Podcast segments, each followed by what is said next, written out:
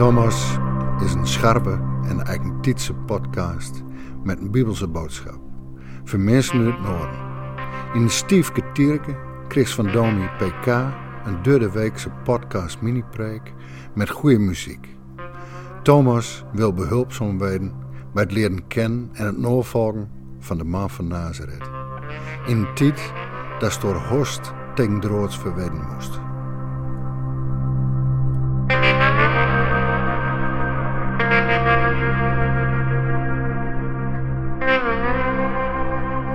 2002 werd onze landgenoot Arjan Erkel gegijzeld terwijl hij voor Artsen zonder Grenzen werkte in Dagestan. Twintig maanden zat hij vast in een donker hok van anderhalf bij twee meter en werd hij bewaakt door zwaar bewapende mannen met maskers.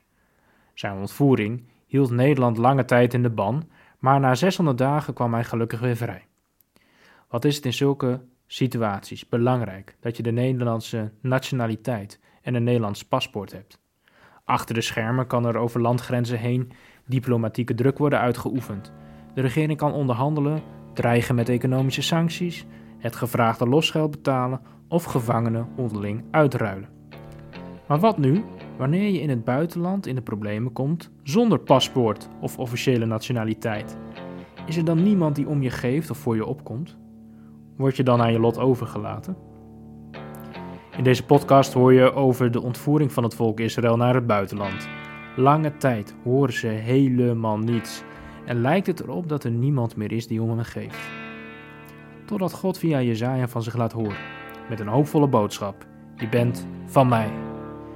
In deze podcast zul je ontdekken hoe die woorden via Jezus Christus ook vandaag aan jou gericht zijn.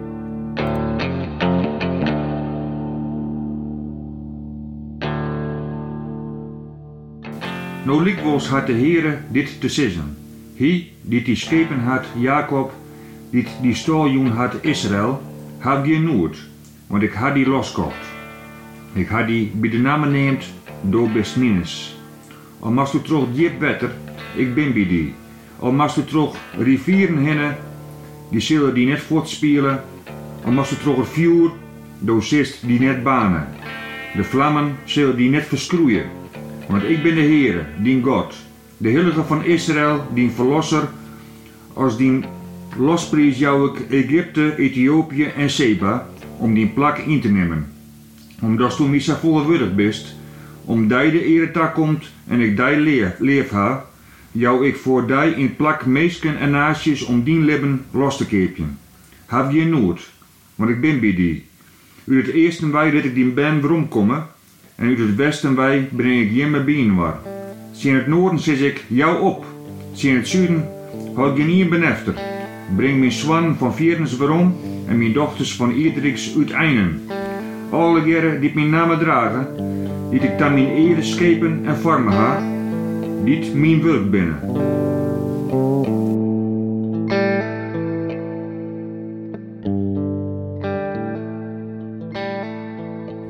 De waarde van de tekst een beetje binnen te laten komen, eerst even een verdiepingsblokje.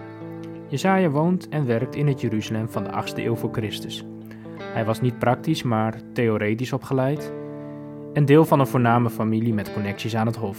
En als hij begint met profiteren, is Assyrië de nieuwe wereldmacht die zijn invloed ook in Israël en Juda steeds meer laat gelden. Maar in het gedeelte dat net is voorgelezen is de situatie alweer totaal anders. Het Assyrische Rijk is namelijk alweer van de wereldkwaad verdwenen. En de meeste Israëlieten zitten nu in Babel. Maar ook die macht duurt niet voor eeuwig, want er staat alweer een nieuwe wereldmacht op de deur te kloppen om met de scepter te gaan zwaaien: de Perzen. Jezaja wil de Israëlieten laten geloven dat de heilige van Israël achter de schermen verantwoordelijk is voor deze verschuivingen. Als een slimme strateeg en keiharde onderhandelaar is hij hoopvol bezig om zijn zonen en dochters weer thuis te halen.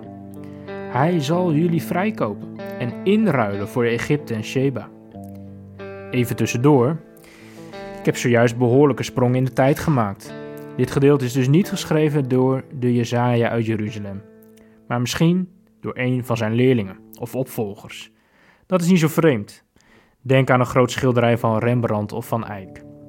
Kenners wijzen dan soms ook op details in het schilderij die de leerlingen zouden hebben geschilderd, of die later weer door anderen zijn overgeschilderd. Wel zoveel mogelijk in de stijl van de meester natuurlijk.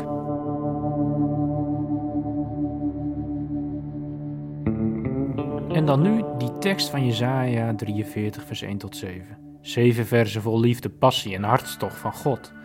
Het voelt bijna of je stiekem een iets te persoonlijke pagina uit een dagboek zit te lezen. Lees maar mee.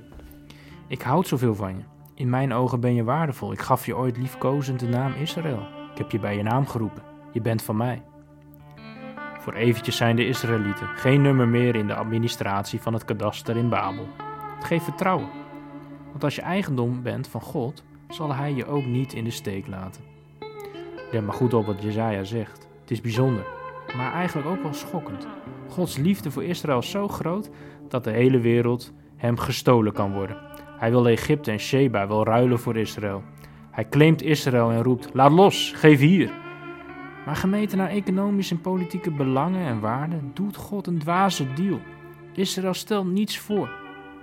Op die aantrekkelijke deal willen de wereldmachten maar wat graag ingaan. Maar in de ogen van God is Israël het dubbel en dwars waard. In mijn ogen ben je kostbaar. Uit alle hoeken van de aarde haal ik mijn zonen en dochters thuis. Ze zijn van mij.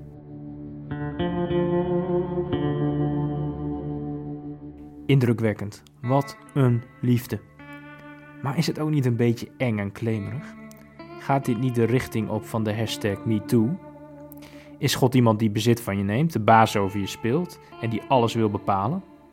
Nou, check eerst nog even vers 1. Daar staat dat God de mens heeft gevormd. Zou hij dan ook als geen ander weten hoe jij tot je recht komt? Eigendom van God zijn is niet inleveren, maar is het leven in al zijn volheid ontvangen. En dan nog een vraag die me dwars zit. Want zegt Jezaja niet dat God alle andere volken links laat liggen voor Israël? Staat dat er echt? Houdt God dan niet van alle mensen? Maar mag God niet doen wat jij en ik ook doen? Houden van wie je wilt houden? Inderdaad, best wel pijnlijk. Deze woorden gaan niet over alle volken, maar over Israël. Ze gaan dus ook niet over jou en mij. Want jij en ik horen in dit verhaal bij de volken die hier door God als wisselgeld worden gebruikt.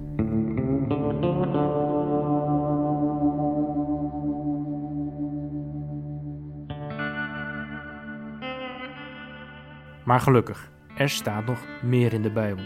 Het verhaal gaat verder.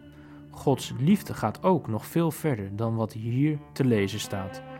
Want een paar eeuwen later riep God Jezus Christus bij zijn doop in de Jordaan ook bij zijn naam.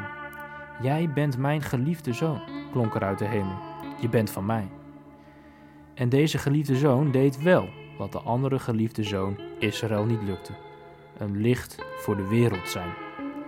God gaf met hem het meest kostbare wat hij had als losprijs over aan de dood. En zo kocht hij jou en mij, vrij van de dood, de zonde en het kwaad. Een dwaze deal natuurlijk, maar niet voor God. Want door Jezus Christus zegt God ook tegen jou: Laat los. Geef hier. Je bent waardevol in mijn ogen. Je bent van mij.